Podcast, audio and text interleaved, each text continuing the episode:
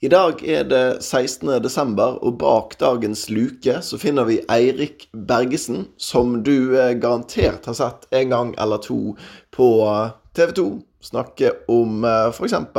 Donald Trump. Jeg husker han ganske godt fra et eh, bokbad i høst, hvor han intervjuet Håkon Oppdal om sin nye bok. Et arrangement i eh, regi av Diaspora Bergensis. Eh, så følg Diaspora Bergensis i eh, sosiale medier for å ikke gå glipp av den type arrangementer som jeg må si var stødig ledet og helt fantastisk. Men Eirik er jo ikke bare eh, Brann-supporter og USA-ekspert. Han er også pappa, og det skal vi få høre mer om i dagens luke. Dette er historien om da Brann slo Brygge, og hvordan sønnen min med det ble Brann-supporter. For hvordan blir en Brann-supporter? Jo, en vokser opp i Bergen og ser Brann spille på stadion. Så hva om en ikke vokser opp i Bergen og ikke ser Brann spille på stadion? Det er langt vanskeligere.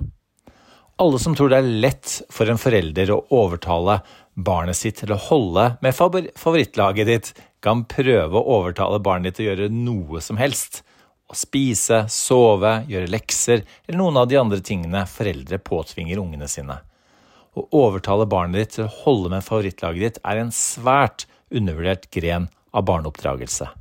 Det er egentlig bare to halmstrå av håp. Halmstrå nummer én om barnet f.eks. vokser opp i Oslo, hvor byens eliteserietilbud er Engen. Halmstrå nummer to at favorittlaget ditt faktisk er et godt lag. I 2007 var Brann et godt lag. Vi var til og med Norges beste lag. Og jeg var diplomat på den norske EU-delegasjonen i Brussel, og stadig på jobb på en søndag ettermiddag, ikke fordi jeg skulle oppfylle utenriksminister Jonas Gahr Støres tese om en aktiv europapolitikk, men for å se Brann på norsk TV. I månedsskiftet september-oktober, med seier i 22. serierunde, så var Brann i realiteten nå bare én seier unna seriegullet, som kjent det første siden 1963. Men i Uefa-cupen så lå vi dårlig an. Vi tapte den første kampen i den første runden mot Klubb Brygge på stadion 0-1. Årets første hjemmetap, og Mons Ivar Mjelde kalte det en av sesongens verste kamper. Helstad ble snytt for en klar straffe, Brygge puttet bare fem minutter før slutt, og nok en gang så et norsk lag, som ikke het Rosenborg, ut til å komme til kort i Europa.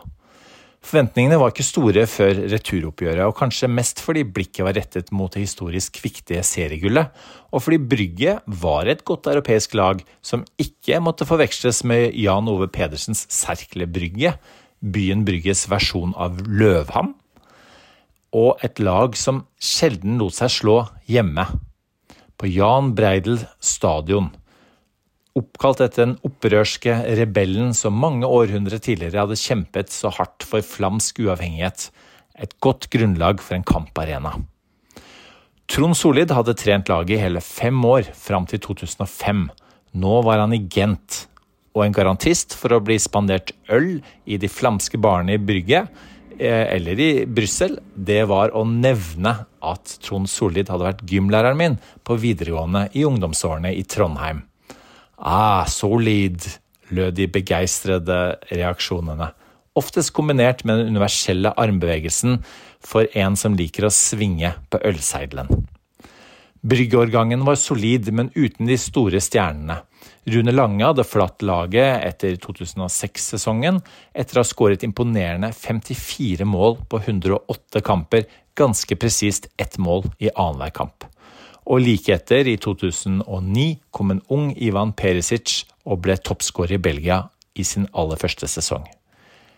I våre dager er Perisic for lengst borte, mens den 34 år gamle tidligere Liverpool-kjempen Simone Mignolet og den halvpartens unge, 17 år gamle Stabæk-talentet Antonio Nussa i år har sikret Brygge kvalifisering til sluttspillet i årets Champions League, mens Brann har spilt Obos.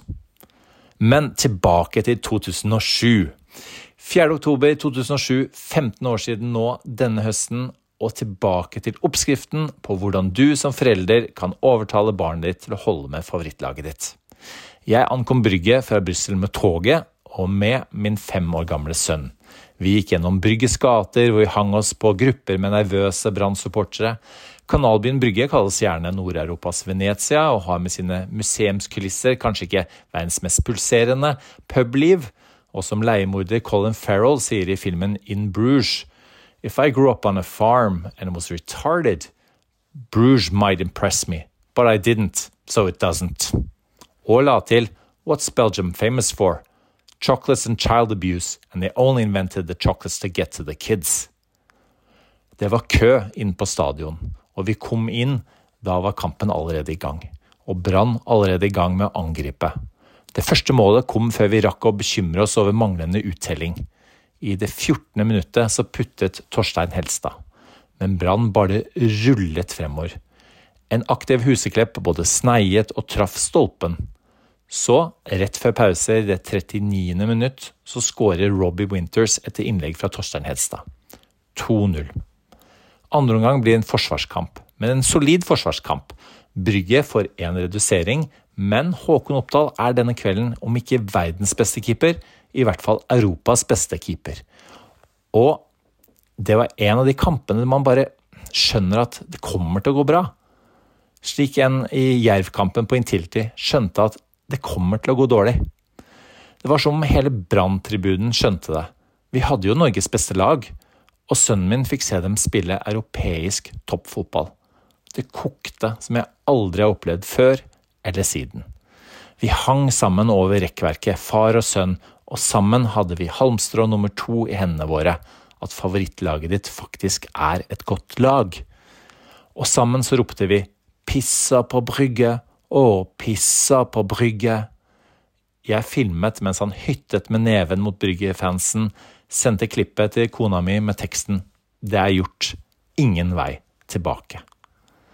Jeg får ofte spørsmål om hvorfor jeg med østlandsdialekt heier på Brann. Og jeg forteller om en far og en farsslekt fra Bergen, en studietid i Bergen, mange kamper på Brann stadion, og jeg legger stolt til at den virkelige prøvelsen og seieren var å lykkes med å overtale neste generasjon. Sist jeg fortalte denne historien, var til en veldig hyggelig supporterveteran som jeg er bekjent med i baren etter Fredrikstad Brann, årets siste bortekamp. Bare dager seinere så kom en pakke i posten. Fra ham med anvisning om at denne var til sønnen min nå 20 år, og at eneste krav var et bilde i retur og pils for porto på neste bortekamp. I Facebook-posten så ligger dette bildet. Og innholdet i pakken?